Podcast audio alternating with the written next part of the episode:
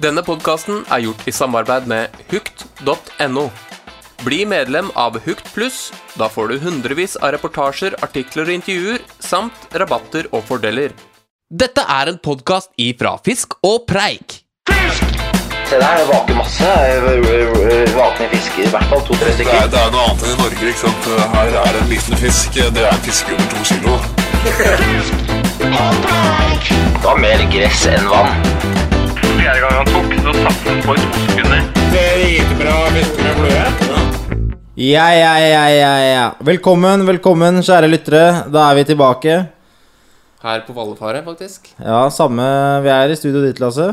Dagen etter at vi har vært sammen med Tommy og Joakim. Det er første gangen vi har kjørt to podder i løpet av Det er, to, det er ikke tolv timer engang, vet du. Nei, det var uh, i går kveld, og nå er det klokka er rundt ett, så nå Det ble, det ble liksom eh, Jeg er sliten, litt sliten, kjenner jeg. Ja, du Men veldig motivert for en ny podkast. Ja. Vi har en veldig kul eh, k- Kul gjest. Ja, kul Slutt å gjest. ljuge. Gjesten skal ikke prate ennå, men eh, ja. Eh, Nei, så det har ikke skjedd så mye siden sist. Ja, Jeg hva har har, siden eh, sist? Nei, jeg har uh, sovet, spist Hva spiste du? eh, frokost, typ. Ja, hva hadde du på? vi må vi Jeg husker, om. jeg husker ikke Jeg, eh, jeg, er- jeg, er litt, jeg er ikke helt oppe og nikker i dag, kjenner jeg. Det ble, når han Tommy dro frem eh, det brune brennevinet sitt utpå kvelden her, så jeg Ja, kjenner, det, ja. jeg kjenner det i dag. Ja, Ja. Typisk eh, Han du. skulle det sikkert gjøre det bare for å lure ut noen søringplasser. Ja, jeg dro jo før, uh, før det blei for hett der. Eh, Ja, det tror jeg var lurt. Ja, jeg så so, sover godt natt. Jeg er ikke uthvilt. Jeg kjenner jeg er litt uh, prega etter å sitte og skravle en hel kveld. Eh, og da fått deg rett inn døra etter jeg sto opp, så Blir ikke kvitt meg. Nei, blir ikke kvitt deg. Men uh, vi har jo eh, som sagt en gjest. Jeg tror ikke det vi skal dra ut den introen her så nei, fryktelig å- mye lenger. Fordi det det, sånn. er ganske uinteressant hva vi har gjort uh, i natt. Det er jo å sove. Så da bare introduserer vi uh, dagens gjest.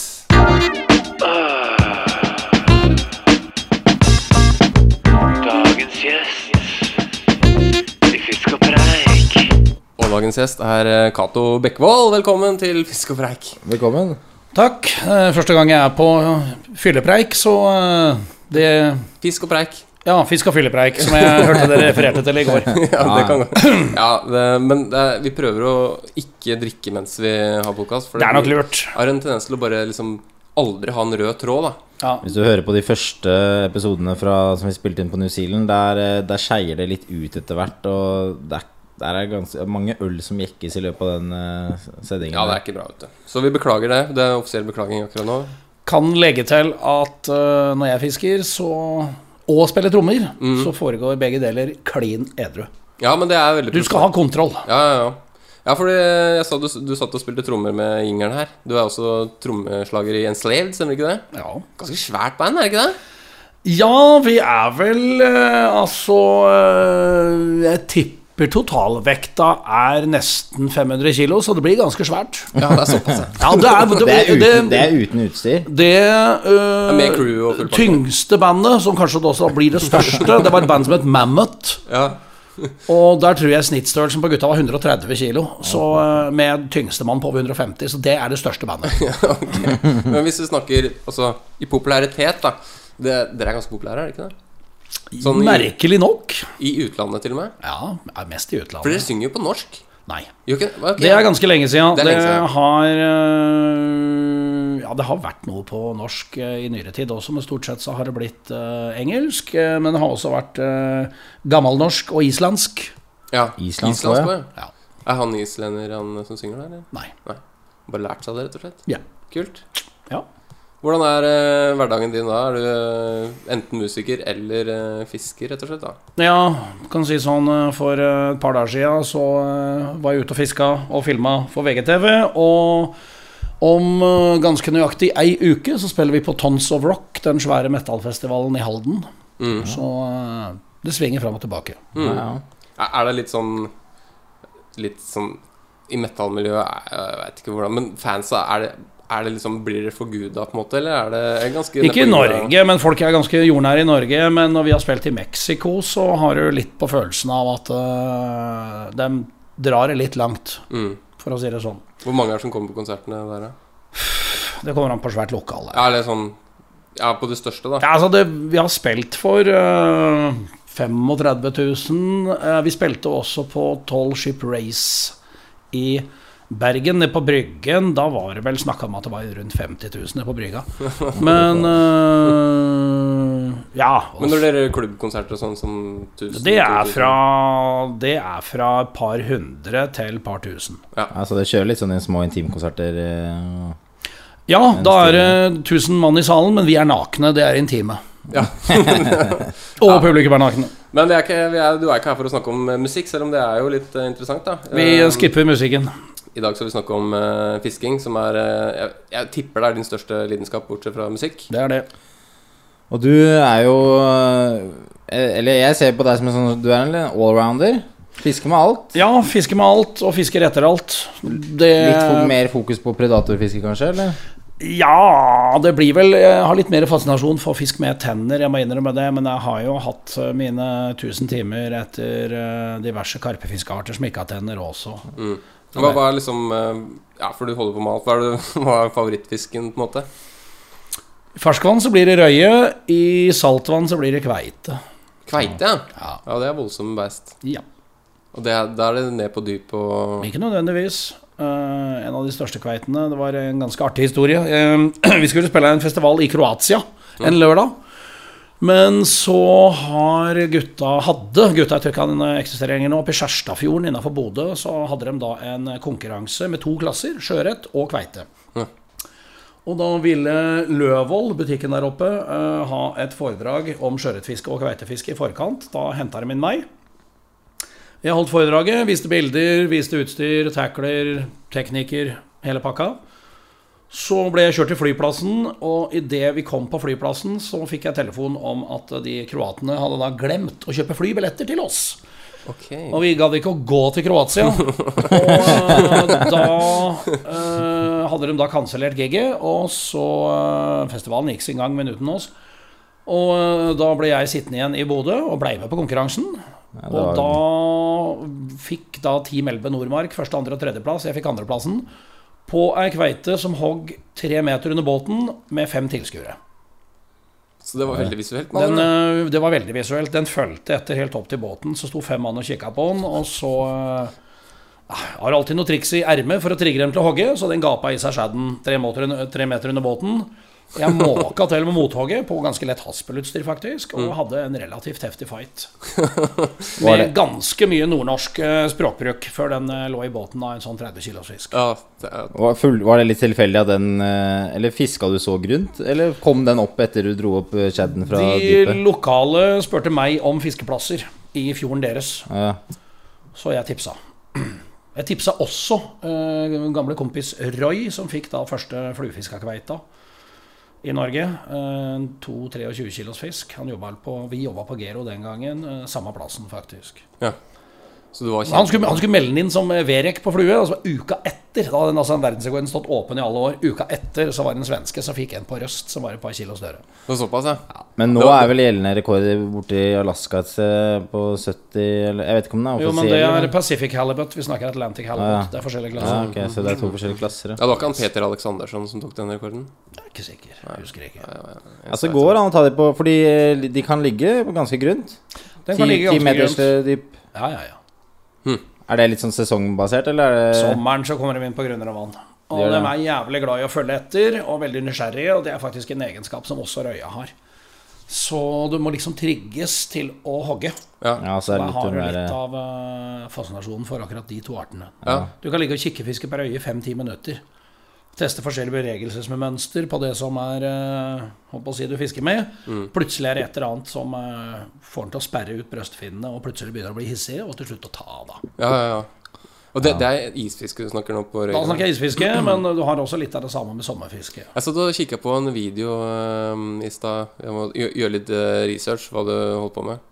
Og Da var det fra røyfiske. Det var, du hadde akkurat lagt ut på Facebooken din, tror jeg. Eller i hvert fall noe Ja, et eller annet sånn utstyr du hadde. Noen digitale greier. Som du, en sånn ekkolodd som du kunne se hvor fisken var. Deeper, det Ja, deeper, ja, ja. Stemmer. Stemmer. Det, det, er, det er på en måte er, det, er, det er liksom greit å bruke digitale hjelpemidler. noen ganger, Du tydeligvis. ser jo om fisken er der eller ikke, mm. hvis du ikke kan kikkefiske. Fun det funker tydeligvis. Det funker. Mm. Uh, men det blir jo det samme når en fluefisker går og speider etter vak, eller går med polabriller og ser etter fisken i vannet. Mm. Ser også etter hvor fisken er, og fisker der. Så det er ikke noe Altså, fluefiske på, skal vi si, fisk som står i elv, blir minst like kynisk. Mm. Og der har det liksom Tar den, så tar den. Tar den ikke, så tar den ikke. Men øh, altså, elektronikk aldri noe garanti for at fisken biter. No, Det fikk vi jo erfare når vi var oppover øh, nå, jeg og Lars Nilsen, og filma for VGTV. Ja. Så øh, ja, du kan ha all elektronikken du vil, men altså, du får ikke jekka opp kjeften på fisken med det. Hva, hva, hva, du, hva du bruker når du For da var det gjedde som var greia? Du, vi fiska etter litt forskjellig. Det var ørret og Kanarøya blant annet, men det ble jo gjedde og harr øh, og ørret på meg, da. Kanarøya, den uh, har en helt eventyrlig evne til å ha fullstendig hengelås på kjeften. Ja. Det er nesten utrolig at en predator eh, kan bli så sær og så fullstendig eh, bitevegring. Har du fått uh, Kanarøy før? Ja da. Ja, du har fått det på? Det er ikke så mange individer i Norge, er det det? Mange Individer? Det er ikke så mange av dem. Ja, individer er det nok en del av, men det er ikke så mange lokaliteter. Nei, ok. ja Det, er- finnes jo noen her i Oslo, eller Maridalsvannet. Ja, du har altså Oslo og Nord-Trøndelag. Ja. Ja, det er der det fins. Ja, du er, det er ett vann i Hedmark også. Men, men stemmer den, apropos den uh, Maridalshistorien, stemmer det at det var en bonde som Han skulle dumpe gift. gift, dumpa gift i Han, vannet? han skulle dumpe Han gift, skulle og vel også gjorde det, tror jeg. Ja, Men Canarøyene de havna der eh, rett og slett via vannverket. Dem, eh, ja, for de skulle sjekke kvaliteten. Ja, jeg har vært der oppe eh, på en sånn skoleekskursjon. Ja, ja. Da hadde de et svært akvarium, og da gikk det et par fisker, og de sa det at eh, dette er den beste indikatorfisken vi har på at vannkvaliteten er ok, både når det gjelder da sjølve kvaliteten på vannet og temperaturen. Eh, og så spurte jo han fyren da, men det er vel ingen av dere som har sett den fisken her og veit hva det er. Så var det bare selvfølgelig en uh, trevlete trommisneve i været. Det kan dere. Så, helvete visste dere det! Og så var det hele klassen i kor. Han er helt fiskeidiot. Men poenget var, de gikk der uh, i et ganske svært akvarium. Vanninntaket var akkurat det samme som Altså, det er rett fra Maridalsvannet. Inntaket deres. Og så uh, liten sånn ekstra avløp, utløpsslange der. Og disse vokser jo, og når de begynte å bli litt store, de begynte å få forhold til dem, og begynte å sette navn på dem og greier, så hadde de ikke hjerte da til å slå dem i hjel. Så de Så de kippa dem uti Maridalsvannet. og dette gikk jo med nye og nye og nye og nye, nye fisk, og de har da klart å etablere seg en bestand som eh, gyter og vokser. Ja, for de reproduserer seg faktisk. De reproduserer seg i hvert fall på Lutvann og på Maridalsvannet. Og er jeg- usikkert. Jo, de gjør det på Nøklevann også, faktisk. Men de trenger ikke det- eh, Altså, den trenger, den trenger ikke rennevann. Nei, den, eh, er, det er en eh, stillevannsfisk. Mm. Finne den i elver er ikke vanlig. Nei, nettopp. Ikke Er regelen. Spennende. Har du fiska i Maridalsvannet, den? eller? Ja, vi blei jo tatt for tjuvfiske med VGTV. Det var jo eh, meg og eh, Lars og Lars. ja. Det er selvfølgelig da etter historisk elendig research av Nilsen, som vanlig. Når han researcher, da veit du det blir katastrofe. da Eller så blir det noe eh, hektosørreter i noen bekker som renner gjennom byen her. I Ja, Ja, det er tunneler eller eh, betongkulverter, eller i hagen til noen, eller eh, langs noen stier der du stort sett ellers finner tomme brennevinsflasker, brukte donger og gamle kanyler, liksom. Men apropos eh, Lars Nilsen holdt jeg på å si, og filming, da. Ja. Eh, for du lurte, eller vi lurte på hva vi skulle prate om, om det var liksom eh, alt mulig, eller filming, eller whatever. Og så nevnte du ja, men det er litt morsomt å prate om filming og fisking. Det er ikke så mange som har liksom tatt tak i det. Og det, det fenomenet Jeg har jo filma litt sjøl, men ikke på det nivået du holdt på med. da Og for så vidt Tobias òg har jo, har jo en del erfaring derfra. Men du har jo Det har vel vært mer fra Ja, voksenfilmsegmentet han har ja, tatt ja, ja, sånn der, sånn. Tyske instruksjonsfilmer.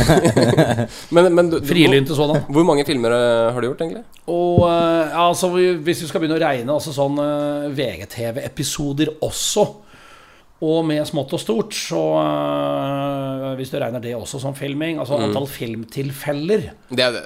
det, det er mange. Men, men reine filmer Nei, reine filmer er ikke så mange. Det er vel egentlig eh, på skal vi si, utgitte DVD-er så er det vel eh, innslag her og der på et par sånne Bård og Lars-filmer. Og så har det vært den der 'Brød til storfiskkongen'. Det er jo en elendig tittel. Det var det Lars som fant på. Takk skal du ha, Nilsen.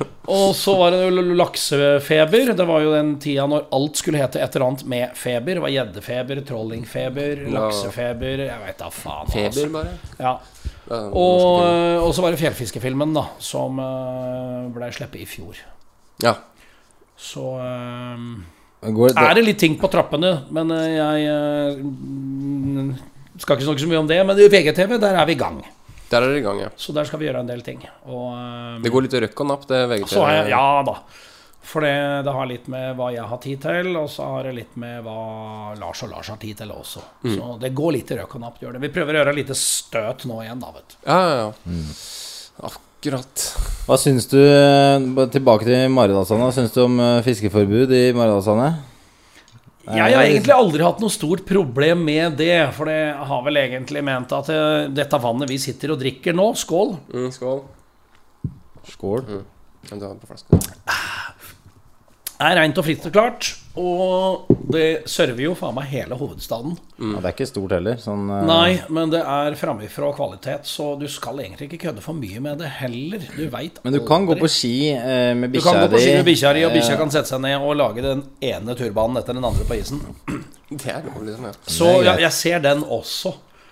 Men det er klart sånn fiske er lov, men forurensning forbudt. Men vil det bli en regel folk følger? Det er det. Ja, det er, det er greit nok. Altså, det fins jo masse vann i marka. Sånn det sett. det, Men det er det litt spesielt med Maridalsvannet. Men det er Det er noe som Man blir kanskje litt sånn tiltrukket av ting som er eh, Forbudt. forbudt også. Ja, vi ser jo, Ja, ja. ser jo Lasse her. Han er jo stadig uh, nede på festningsplassen etter uh, prostituerte. Det er forbudt. Hadde det vært lov, bordell i byen, hadde han funnet på noe annet. Jeg kan faktisk eh, Jeg kan fortelle om uh, Hjemmebrentapparat ut på badet her det- er et annet eksempel. Men jeg kan fortelle om en gang jeg faktisk har tjuvfiska og ble tatt for det. Og det, Jeg kommer aldri til å fiske eller tjuvfiske etter det, men det var jeg og bergenseren Kristoffer som som var en tur Jeg skal ikke nevne den elva, kanskje blir dårlig stemning, men eh, ikke sånn fryktelig langt ifra Oslo, da. Eh, og det var han eh, godeste Kai, da, som, eh, som var veldig kjent til denne elva her. Og så um, Så han guida oss gjennom da eh, hele elva. Og så sa han Men her, gutter, her må dere ikke finne på å fiske, for her er det fisketrapp, så 100 meter nedenfor den, så, så, så Eller innafor den, da, så ikke fisk. Det er strengt forbudt. Og det sto skilt og full pakke. Og, men Tror jeg veit hvilken elv det er, men ok. ja, greit nok. Uansett så, så gikk vi opp for å kikke, da, for han sa jo men her står det mye fisk. da Så spotta han ene fra kiloen til ja, sånn to og en halv. da og til og med den øverste gulpen der sto det jo noen eh, rundt tre. Så vi var jo, vi var jo syntes det var dritfett, i hvert fall. Men eh, ja. Så eh, Kai skulle på jobb, og jeg og Kristoffer ble igjen og ble sendt ned, helt ned i elva og fiska oss oppover. da og så går det et par timer, så kommer vi oss opp til dette strekket her. da Klokka var eh, rundt halv fire, og folk var ferdig på jobb. Så, men det tenkte jo ikke vi på. Gikk opp til det strekket, og så, og så sier jeg til Kristoffer at vi går, vi, går opp, vi går opp og ser, i hvert fall. da Så sier han ja, kanskje vi skal bare ta med stanga, da, så kan vi ta og prøve oss. Og så tok vi sølv med stanga og fiska, da. Så fikk jeg en fisk på en kilo, og så Hadde du det gående? hadde vi det gående. Og Kristoffer sto og fiska på en fisk, for han klarte ikke å dy seg. Og akkurat idet han eh, skal gjøre tilslag på en fisk, så kom jo oppsynsmannen og Var alt annet enn blid? Ja, han var, eh, han var ikke sinna, han var bare utrolig skuffa. Han var det, ja. ja han, var, han var skikkelig lei seg. Og vi var jo Vi, la oss lang, langflate. Det var ikke noen unnskyldning. Nei, altså Se den. Unnskyldning for det i det hele tatt. Så det, og det, etter det så har vi ikke Vi ble politianmeldt og alt mulig. Men uh, etter det så har vi eh, bestemt oss for at det er noe vi aldri skal gjøre igjen. For det er det dummeste og flaueste vi har vært med på noen gang. Og, men uh, akkurat der tok liksom fiskefeberen fullstendig overhånd, da. Kan jo nevne at den uh, Maridalsvanns-episoden Bokstavelig talt. Den ble jo lagt ut på nett. Men eh, litt av greia var jo at de ville sette fokus på det, da, vet du. Ja. Så da tjuvfiska vi, la ut bevismateriale på nett. Det er jo eh,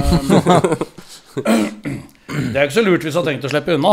Ble det en dyr affære, eller? Nei, det ble vel Jeg fikk vel en bot på tre og et halvt, men det betalte ikke jeg, da. Jeg sa til Lars at ok, blir det noe greier her, så får uh, skjerpa film ta det. Ja, nei, men det er greit. Det, det får det være verdt, liksom. Og så Jeg fikk jo telefon, faktisk. Jeg satt på toget, retning Røros, og uh, måtte ta da politiavhør via mobiltelefon. Det var jo ikke noe å benekte. Nei, det Nei, det. var ikke meg. Jeg har en dobbeltgjenger. Akkurat samme stemmen, og så akkurat like kjip ut, liksom. Akkurat like fiskegæren. Så nei, det var bare brev i kassa, og så var det å vedta, og så var det bare å sende det ned til Nilsen, og så hørte jeg ikke noe mer fra det. Men ryktene ville ha det til at i hvert fall Lenteren hadde litt småproblemer med å komme inn i Australia pga. den der der, for det var eh, rett og slett på rullebladet hans som miljøkriminalitet. Sier du det? Men jeg har vært i Australia og spilt to ganger, og ikke hørt noe om det. Nei. Men så, altså, hvis det er forenkla forelegg, så er det vel ikke på rullebladet? Nei, jeg vet ikke det ble, eller det ble en bot, eller om det ble eh, Da handler det om bøteregisteret. Ja. Nei, jeg vet da faen. Jeg, jeg, kom inn, kjipt, jeg kom inn i Australia, fikk spilt, og alt var greit. Ja. Har du noe tjuvfiskehistorie, eller? Eh, nei, jeg har sikkert tjuvfiska en del ganger, men eh, aldri blitt tatt. Men du har, du har ikke Han ser så uskyldig ut. Der, der sliter vi, altså. Altså, En ting er å ikke fiske med fiskekort. Det er shit happens, Folk kan glemme det i marka eller whatever. Men uh, som bevisst fiske Der er ulovlig. Der er det ulovlig. Ja, det, det var ikke Nei, jeg har vært eh, jeg, nei, nei, jeg har vært mye sånn på veldig sånn privat eiendom, da. I forbindelse med sjøørretfiske til eh, Og har møtt på litt sånn der sure, sure folk og, Ja, det høres ikke sånn i så den eh, duren der. Men eh, ikke, ikke så mye verre enn det, altså. Friluftsloven er eh, Der er det rom for tolkning. Ja, det er det. Så, Nei, men ehm, Cato eh, tenkte på altså et par spørsmål da som jeg hadde ehm, lyst til å stille deg. da Kjør. Uh, Som vi pleier å stille de fleste gjestene. Og det, det er litt interessant å vite hvorfor folk starta fiske, eller når de starta fiske. Uh, eller hvor tidlig var du ute med, med det Eller hva, ja, med fiske, da. Det tror var fattern som eh, Altså Han har jo da et barndomshjem oppe i Elverum. Der rant en bekk forbi. Den var ørret i. Mm. Og da sa han at nå skal vi ut og fiske, sa han. Og da var det egentlig bare en liten tur i potetåkeren, grave til mark. Og så hadde bestefar noen sånne ferdiglagde sånne nattkroker, som han kalte det da, vet du. Så var det å skjære til sånne Y-kjøper, og så var det ned i bekken. Og så var det liksom bare å eh, agne av krok i de djupeste hølene, liksom oppunder uh, torva. Strandbrinken. Der sto disse ørreta. Og så var det å vente til morgenen etter og trekke dem. Og der var det jo en fire-fem sånne små bekkurretter. Og den ble jo pannestekt av bestemor og fortært med bravur. Ja, ja. Og dette syntes jeg var spennende. Og så hadde vi for så vidt også et sånn eh, sommerhus nede på Nesodden. Der svømte det jo hvitting og bergnebb langs land. Det syntes jeg var fascinerende. Og mutter'n fra Romsdal, der hadde jo da min onkel båt. Ut og fiske der. Det var der det begynte. Og det har aldri slutta. Så fra jeg var en neve stor. Så det var liksom ikke noe sånn Det var ikke sånn artsbestemt fra starten av? Eh, Nei, til å begynne med så var det sånn Fisking er kult, liksom. Men jeg var jo ganske kjapp på å begynne å lese fiskelitteratur. Og den første fiskejournalen leste jeg vel i sånn i 79 eller sånt noe rart. Får impulser derfra. Så var det selvfølgelig gamle Jakt, fiske, friluftsliv, det som nå heter Jakt og fiske. Og Villmarksliv. Og så var det ned på øh, Deichmanske bibliotek på Tveita. Alt av øh, fiskelitteratur der. Det var ikke mye, altså. Det var Sportfiskerens leksikon 1 og 2. Det var bøker av Hans Lidmann, og det var bøker av Torbjørn Tufte, og veldig lite annet. Så det ble inputen der, og ja, begynte jo med sånn konkurransefiske, isfiske, ganske tidlig også. Ja, du har også drevet litt med det òg, ja. Ja. Det har jeg hørt der eh, Der går det unna. Ja, jeg har vært med på isfiskekonkurranser, meitekonkurranser, havfiskekonkurranser, trollingkonkurranser. øh, hva annet? Big game-konkurranse. hva, hva er det for noe? Big game-fiske etter store fisker i tropiske farvann. Ja, nettopp, ja. Så um, Altså, du har vært litt utenlands og. Ja, det har vært det også. Trives best i Norge, eller? Norge er ikke dumt. Er det noe, er det noe sånn art du ikke har fått ennå, som har utrolig, utrolig lyst til å, å få? Er det Ja, men kanskje det blir en ordnings med det i løpet av året. da Det er bare en som har unngått meg. Det er jo den berømte Spissgata. Men der har jeg eh, gode forhåpninger om å få landa den i løpet av 2017. Med Nilsen på plass, kamera full rulle. Da blir det ikke fisk, da. Nei, det er jo derfor jeg lurer på å kjøre to turer. Én uten Nilsen og én med Nilsen. Ja, ja. Rett og slett. Gjøre researchen selv, i hvert fall. Ja. Eh, gjorde jo det når jeg var oppover i Trøndelag nå etter Kanarøya. Første turen så ble det jo Kanarøya. Andre turen med Nilsen steindødt. så da ble det å eh, improvisere. Så sa jeg at det er eh, et vann i nærheten her med muligheter for bra gjeddefiske. Det hadde han ikke noe trua på. Så måtte han dra hjem, så dro jeg rett ut på det gjeddevannet med et sånn Sony-kamera på huet. Plukka fem gjedder, og det var vel tre av dem var over en meter. Største på 1 meter og 11. Ja. Og så var jeg ute dagen etter og fikk seks til. Og mista et par bra gjedder også. Ja, der kan du se, altså. Det er jo bare Så vi har jo Ja, jeg ser såra på. Det ser ut som du Ja, bra gjeddefiske. er, med andre eh. Sånn skal det være. Det er håndlanding av gjedde. Ja, det er håndlanding, ja. Ja, og når du har eh, agn med opptil flere trebler, og du tar tak i det gjeldelokk-grepet på dem Du er ikke i gjeldene, med gjeldelokket.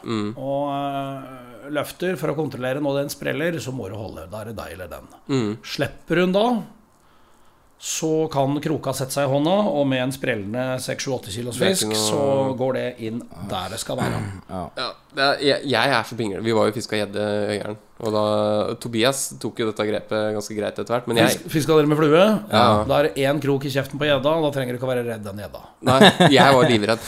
Lasse han fikk eh, Jeg kjøpte meg på, langt de dagene, på de dagene Du fikk vel eh, Jeg vet ikke hvor mange du fikk totalt. Jeg eh, endte vel med kanskje sånn 15 eller noe sånt. Ja, jeg tok Eh, ikke små en- Du tok ikke én gjedde. Du bare Men jeg trengte ikke heller. Jeg de inn, eh, Jeg bøyde ned kroken og tok uh, bare, bare ja. ja, ja. Jeg syns det var digg, jeg. Men uh, jeg følte meg, jeg følte meg lite maskulin. Du sto der bare Ja, ja, ja, og holdt opp gjedder og se på henne! da! Og jeg bare Kjempefin den. Kjempefin den i stad. jeg, jeg syns det var kult, og- for jeg, jeg var sånn som deg i starten også. Kvite meg veldig for å putte henda Eller liksom finne det grepet. Og så etter hvert så det var liksom, liksom mestringsfølelse å klare det til slutt. Og bare, Ja, det var veldig... For til slutt så gikk det veldig sånn automatisk. Bare gli opp der og Ja, bare klemme inn på. i gjeldelokket, bare gli opp, og så ja, bare få tak, og så holde. Og holde på. Men smågjedder er jo greie. Men når de begynner å bli en 6-8-9-10 kilo, så er det mye muskler i dem. Så jeg har forstua en finger på gjedde. Men du har litt mer å ta i på de store òg, da. Jo, Det men det er sånn- mye mer muskler. Eh, Det var når jeg skulle sette den ut, så rulla han seg, og da kilte det langfingerleddet her seg fast helt innerst i, ved gjellebeinet, og så roterte den. Nei. Krokodillerulle. Krokodillerulle. Og da forstrakk jeg noe greier, så den fingeren var kjip et par dager. Ja, det, det, Sånn skjer. Det, det hører jo litt med med Men det er andre som har vært verre ute det. Erik Wallmann hadde jo en eh, episode hvor en svær trøbbel på et jerkbait dundra inn i hånda. Så han endte på sjukehus for å få den ut. Mm. Og jeg har vært en tur på Lillestrøm uh, sjukehus sjøl også, men det var en mindre trøbbel som ikke ville ut. Men det var på en gjørs. Mm. Etter at den var fanga, så skulle vi posere med et sånt uh, fireball tackle i kjeften på den. Mm. Kompis Ola Hugen, takk skal du ha. Holdt den ikke ordentlig. Og gjørsen er sånn, enten så er den helt stiv, rører ikke en finne, eller så er det full desperasjon. Mm. Og idet jeg skulle sette det tacklet bare sånn leggere inn i kjeften på den, så klikka han, og da satte krokene seg fast i gjørsen og i tommelen min, og da lå han og sprella på båtbånd med tommelen min attached. Eller det var ikke tommelen, det var, eh, det var faen meg Det var langfingeren, det også, men på venstre. Nå gir jeg fingeren til gutta. Så, men det, det tok jeg bilde av og brukte i um, det er boka mi. Bruk gummiboka. Ja, ja. Ja, Så det er bildet av der. Ja, for du er forfatter òg, du. ja. Da, da fikk jeg med meg Roy til å ta bilder, faktisk, eh, mens jeg lå på operasjonsbordet. Eller jo, bord og bordet, da, jeg satt jo bare i en stol. Da bare jeg file. Nå blir det litt blod, greit, sa jeg. 4,5 liter. Det du Ja, Det er fint. Nei, men herregud, altså. No risk, no fun. Nei, det, jeg er ikke enig. Men, men eh, men gjørs, altså. Det, det har jeg lyst til å få. Men er det litt sånn natte... natte Ja, du kan få dem på dagtid òg. Du hadde jo gode gamle Dynovika. Nå er det ødelagt, Dynovika som fiskeområde av østeuropeere. Det er jo Er det ødelagt? Jeg tenkte meg Ser ikke eh, ut der. ja, Det er helt jævlig. Jeg jeg Og så har du Tuen bruk eh, strekka langs leira, også fullstendig ødelagt. Årnestangen fullstendig ødelagt. Det ser ut som en søppelfylling. Ja. Og de sitter der med 15-20 stenger eh, 24-7. Så um, er noe Og der er det selvfølgelig bare kakk alt som kommer Ja, på land. og så får vi en eh, mort, f.eks. Istedenfor å riste av den i vannet og la den leve, så er det liksom levende inn i buskaset og la den sprelle seg til døde. Og la den ligge der, så det stinker jo drit når det får sol og varme. Så eh, Det hørtes jo jævlig koselig ut. Ja. Så det er bare å takke for innsatsen. Nei, eh, det er men vann, det er andre vann med gjørs også, som ikke er helt Ja, Akersvannet har de ødelagt litt av. Ja. Litt av ødela hele Akersvannet. Mm. Liner, garn, ruser, tjuvlåning av båt, øh, åpning av bom. De gikk, og, gikk på land på den øya som er freda fuglereservat. De hognet trær der, det er forbudt. Jævlig forsøpling, trua folk på livet. Det var kniv i bildekk. Det var forsøk på å banke folk i hæl med åre. Og det var salg av fisk, og jeg veit da faen hva. Så eh, Akersvannet er Du får lyst til å grine når du tenker på åssen det var når det var på det beste, og åssen det gikk. Ja, for det var bra, ja. Det var helt sinnssykt. Det var eh, Nord-Europas beste gjørsvann Men Så sånn eh, Men uh, ja. Du får bare fortsette å ønske å få gjørs. Det, er, det er muligheter fortsatt. Det er jo det. På flue. Litt sånn eh, synk eh, fem Det er ikke lett. Nei. Gjør som trives i ei grumsete vann.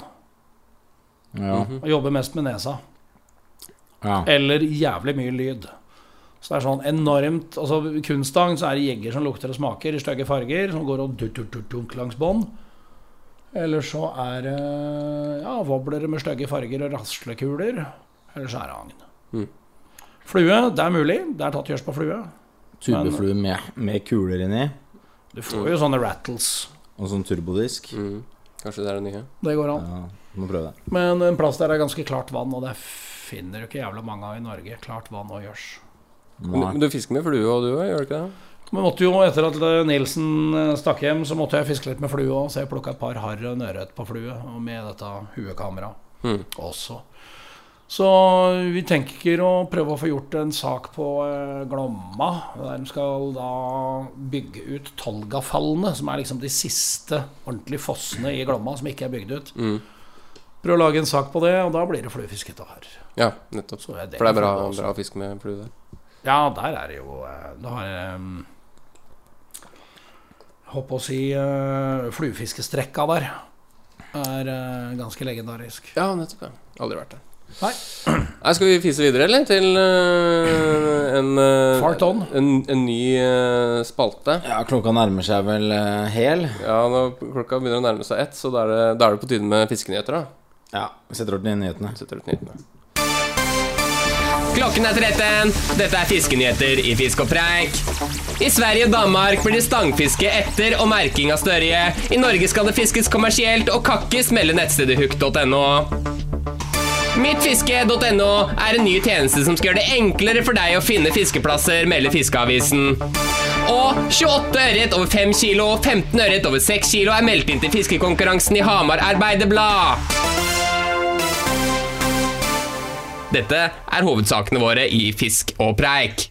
Det var fantastisk nyopple nyhetsopplesning, nei? Ja, det var eh, Hva var det han gikk på?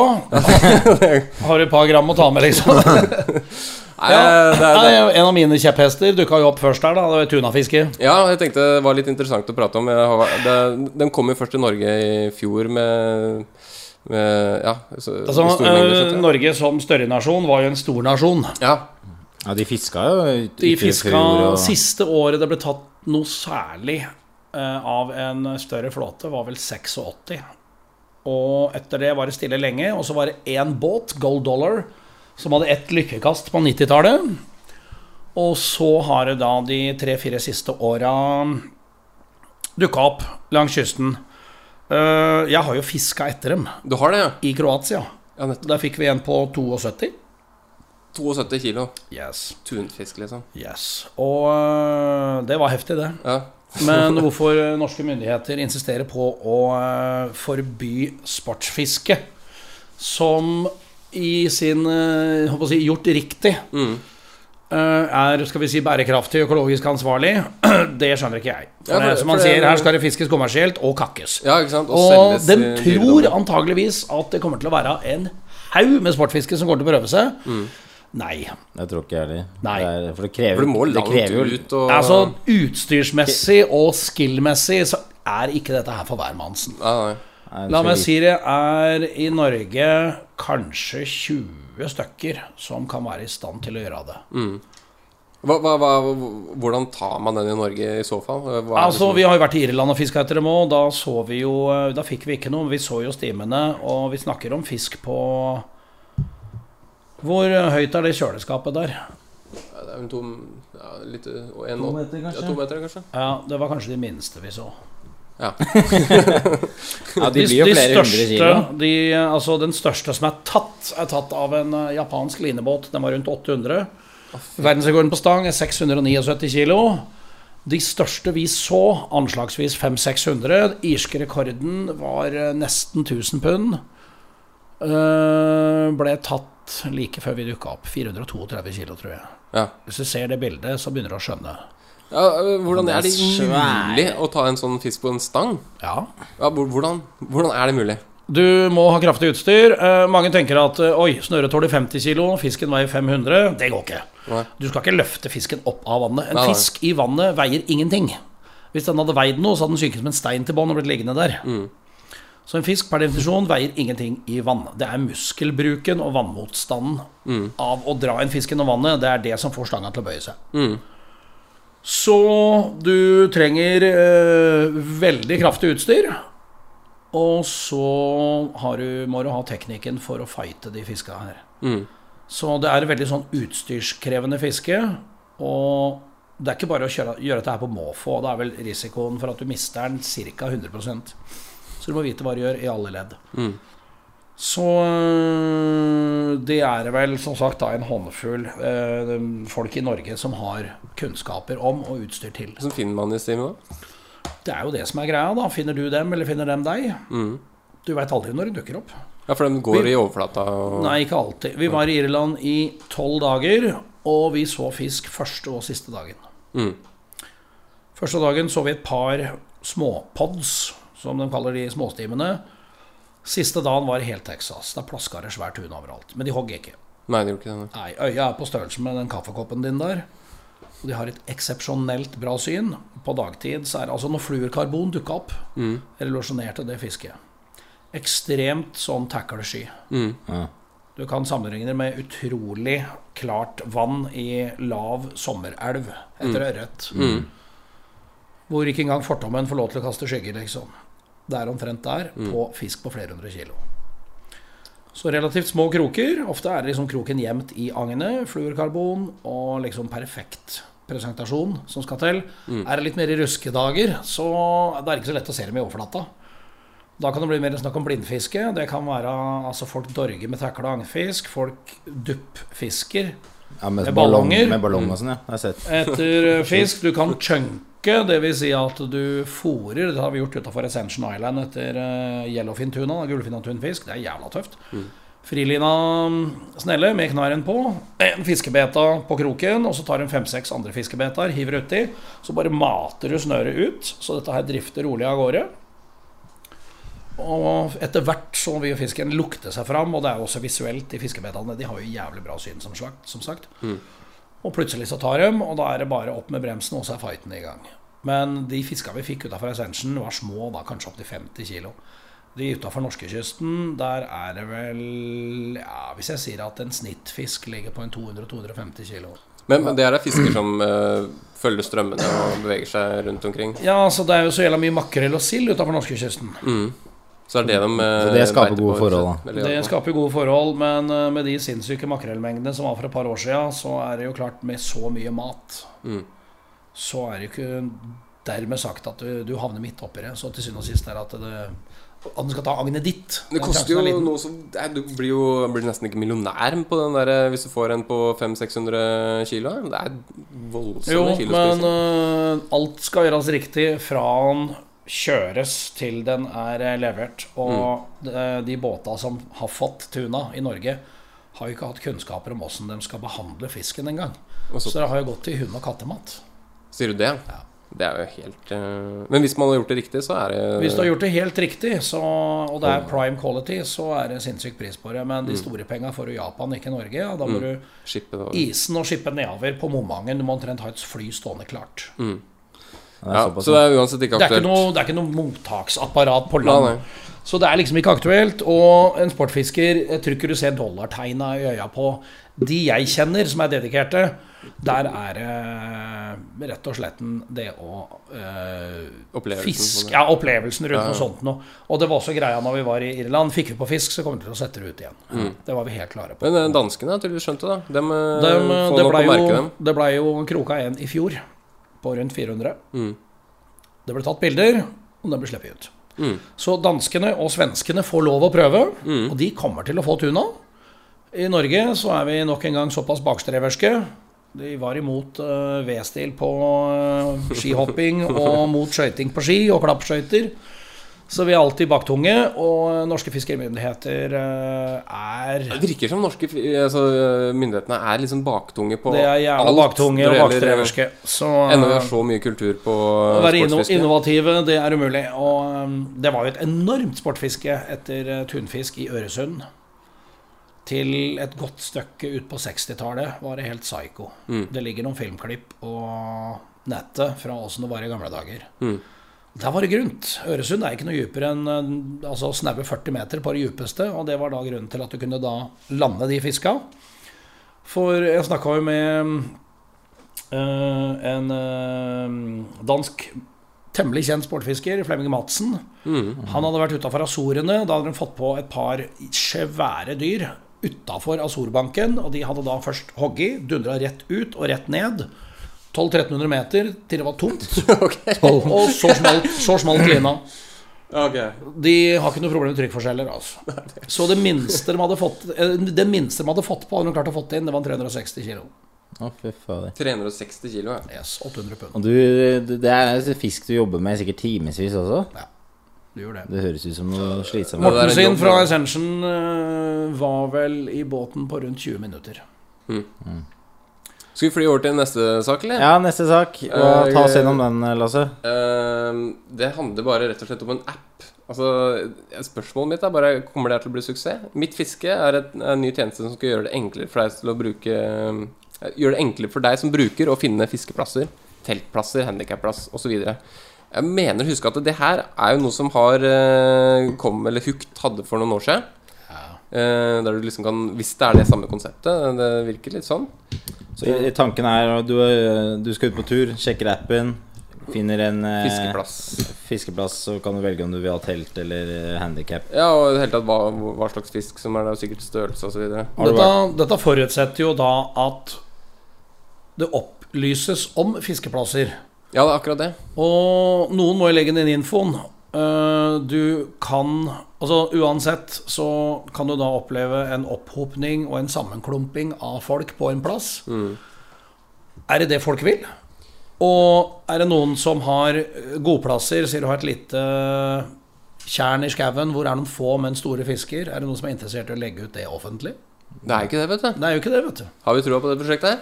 Altså, Vi har jo- tanken, er, tanken er jo god. utrolig fin, tanken er jo god, men hva skal jeg si for noe? Det, det, det, det er jo ikke sånn det funker. Det er liksom for få bra steder. Det er for at- få bra steder til at til at alle kan fiske der. Så, Og det er jo også en del eh, Når jeg lagde bl.a. en fjellfiske-DVD-en, så var vi på noen røyevann og fikk noen feite røyer. Altså, du er bra kørka hvis du røper dem. For der har du før eller seinere, så er det noen som bærer opp en gummibåt og par garn. Altså, Det har skjedd. Jeg så et bilde fra et vann på Oppdal. Lite vann, 100 ganger 300 meter. Kjent for stor fisk, stor ørret, stor øye. Der var det noen som bar opp et par garn. Og i løpet av en helg tømte de det vannet totalt. Og etter hvert fikk såpass mye fisk at de klarte ikke å bære alt ned. Så det lå da igjen en svær haug med fisk. Dau ørret og der røye. Du kan bare rotenonbehandle hvis du først skal. Du kan like gjerne bare gjøre det, hvis det er det du vil. Så øh, Og jeg har jo sett også åssen det har vært med skal vi si, tidligere fine fiskevann som har blitt fiska i stykker. Ja, jeg- jeg nevnte jo Akersvannet her, faktisk. Det. Ja, Altså, det er litt hemmelighold i dine kretser òg. Det er nødt til å være det hvis du skal ha kvalitetsfiske. For det, det er, du sa det, det er for få gode plasser til at du kan slippe til alle mann der. sånn er det for alle sportsfiskere, har jeg inntrykk av. Ja, det er det. Så det blir liksom Du må lenger og lenger til fjells, lenger og lenger ut i villmarka. Vi ønsker dem eh, lykke til. Ja, det er en nei, god idé. altså, prosjektet er jo greit, men som sagt, jeg ser jo faren med at du får den der opphopinga med folk som ja, Folk som ikke gidder å gjøre research sjøl. Men det kan kanskje være en fin eh, app for uh, typ eh, barnefamilier og sånn, da. Som Ja da. eh, skal ha bare et uh, litt nært vann med Størrelse er ikke noe å si, men bitevillig fisk og en fin teltplass, da. Ja, ja. Fint. Uh, Helt klart. Og det er jo vann, faktisk, som er, skal vi si, lett overbefolka. mm, altså, Som, hvor det trengs å fiskes mye. ja, ja, ja. Vi har jo en del av dem oppe i, eh, Trøndelag også, og, og der opplyses det rund baut. Og der er det lagt til rette med altså, båtutsettingplasser, eller om det er båtutleie. Og det er teltplasser, campingplasser, eh, bålplasser, alt det der. Alt er tilrettelagt. Men det er klart de der eh, hemmelige perlene storfiskene har på fjellet, som ikke tåler noe særlig fisketrykk, er er legger ut det offentlig, de er ødelagt. i Ja, det er vel ikke det som er tanken, tenker jeg. at det Nei, jeg tror eh, heller ikke det. Så det er vel hvis det er litt mer sånn, skal vi si, urbanprosjekt. så Ja, det, det er- det, det er ikke umulig. Oslo- Oslomarka, for Ja, ja, masse muligheter der. Ok, vi går videre til, eh, til um, var vel Hamar Arbeiderblad som melder om eh, at det er blitt tatt 28 ørret over 5 kilo, 15 over 6 uh, i konkurransen da uh, på Mjøsa. Som, det var en sak fra i går, faktisk. Det er ikke dårlig, bare det. Det var jo NM i trolling forrige helg. Ja, nettopp. Deltok du i den, eller? Da holdt jeg på med helt andre ting. Da la jeg gulv og mista en halv jeksel. Oh. Og så skulle jeg rett på uh, Bård og Lars-filming. Så eh, nei. Men jeg har vært med på konkurranse. Hva sier Bård og Lars-filming? Nei, eh, Lars og Lars. Bård må vi glemme. Lars og Lars. Nei, så Eller ble det egentlig Lars og Cato, da. Men eh, nei, jeg var ikke med på det. Men jeg har vært med på konkurranse på, eh, på, på, på, på Mjøsa før. Jeg og kompisen jeg hadde jo en bra konkurranse der med fire fisk, største på fem og åtte. Og på Mjøsa har fisket blitt bedre og bedre. Det har blitt bedre og bedre? Da. Jeg bodde jo på Lillehammer eh, 79 til 80 og fulgte jo med på konkurransen der, i Gudbrandsdølen, Dagningen. Der var det langt mellom hver fisk, altså. Det blei tatt en 10 kilos, husker jeg, og så blei det tatt et par bra fisk i Gudbrandsdalslågen. Men vi snakker 7-8 fisk. Men det er flere som dorger, og det er mer fisk. Men det er snittstørrelsen har gått litt ned, eller?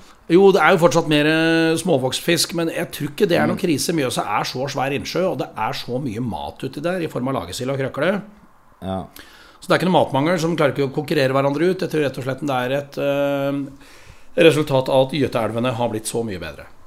For det, og du har gamle Hundselva, som renner og renner, renner, renner vel faen meg forbi gamle Mustadfabrikken og renner ut renner ved Gjøvik. ja. Mm. Uh, I gamle O-fagboka mi, faktisk også fra Lillehammer 79, da var det et bilde av bånd på Hundselva.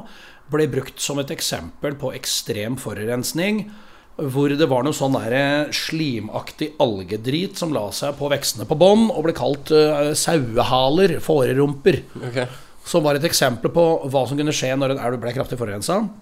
Det at vi har fosfatfrie vaskemidler i dag, vaskepulver, er mer eller mindre direkte øh, øh, direkte konsekvens av at på tidlig 70-tall så var Mjøsa så forurensa at mødrene turte ikke å ta med ungene ut og bade lenger. Ja, ja, det Og da ble det en aksjon rundt Mjøsa, først og fremst, eh, med husmødre i spissen for å fjerne den skadelige fosfaten fra vaskemidla.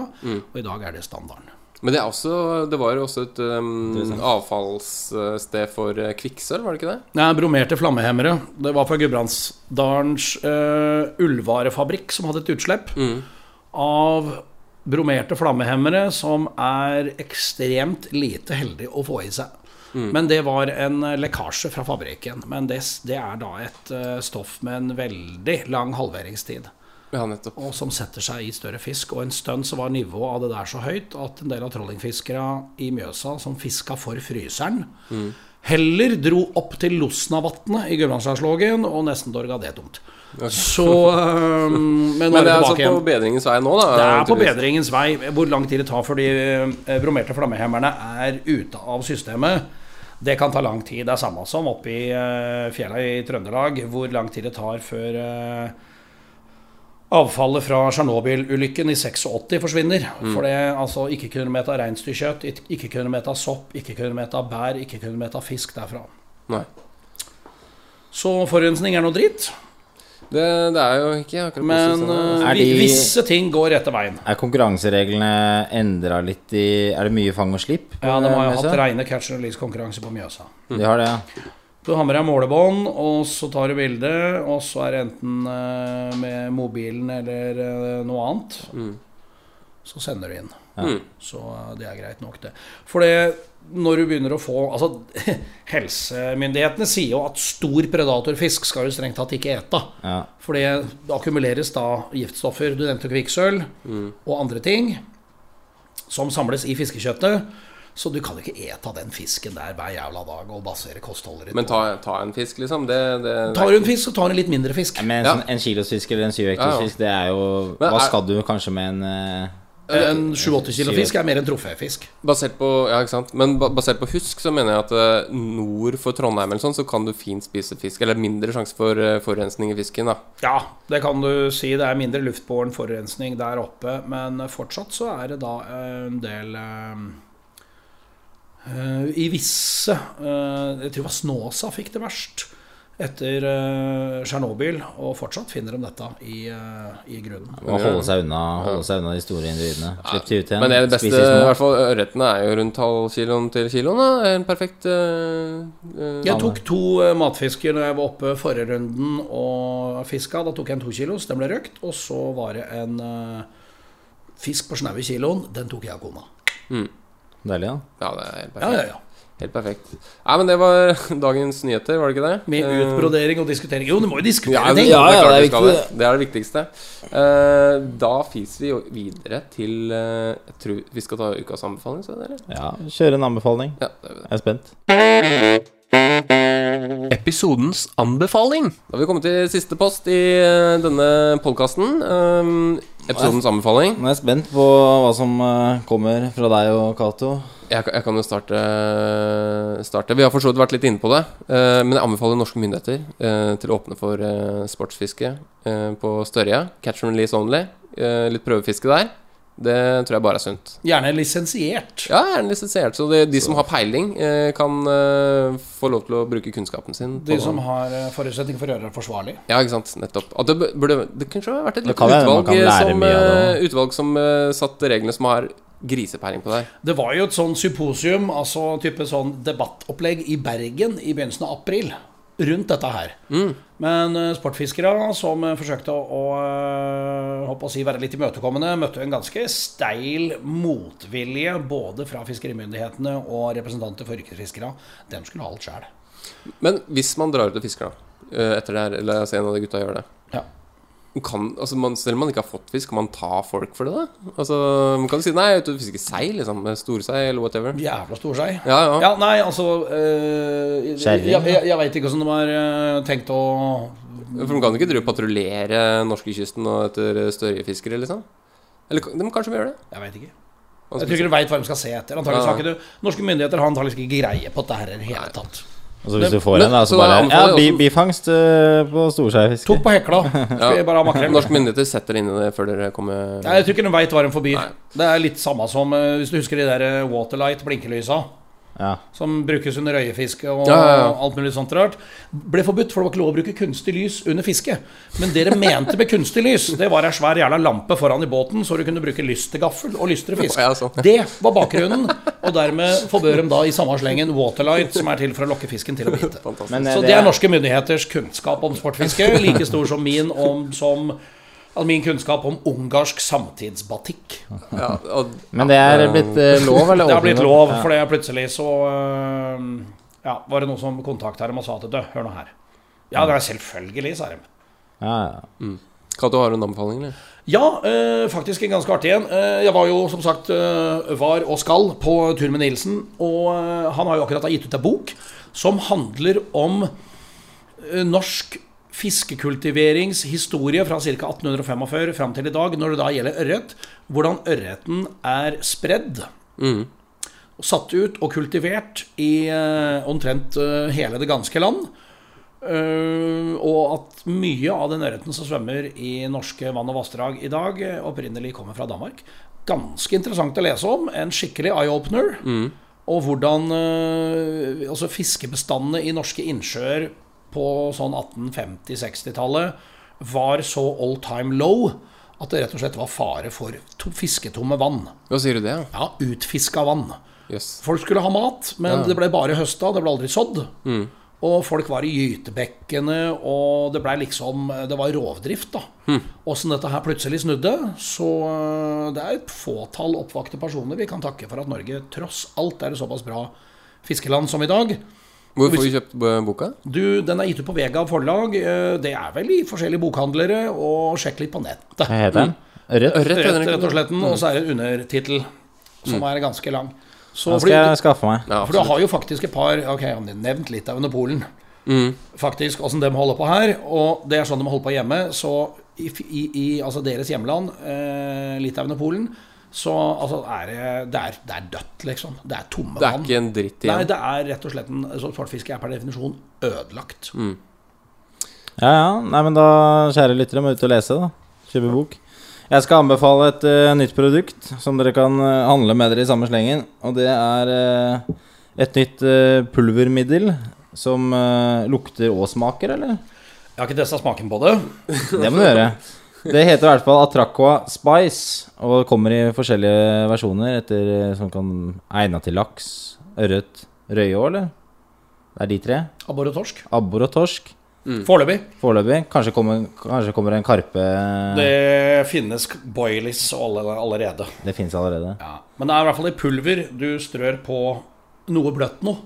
Og nå har en prøvefiska etter laksmere. Istedenfor å bruke mark og stå i hagen og gramme mark, så er det rett og slett en da bare strødd pulveret på rein, blaut, rød ulltråd. Og fiska med det. Og fanger. Og fanga som faen.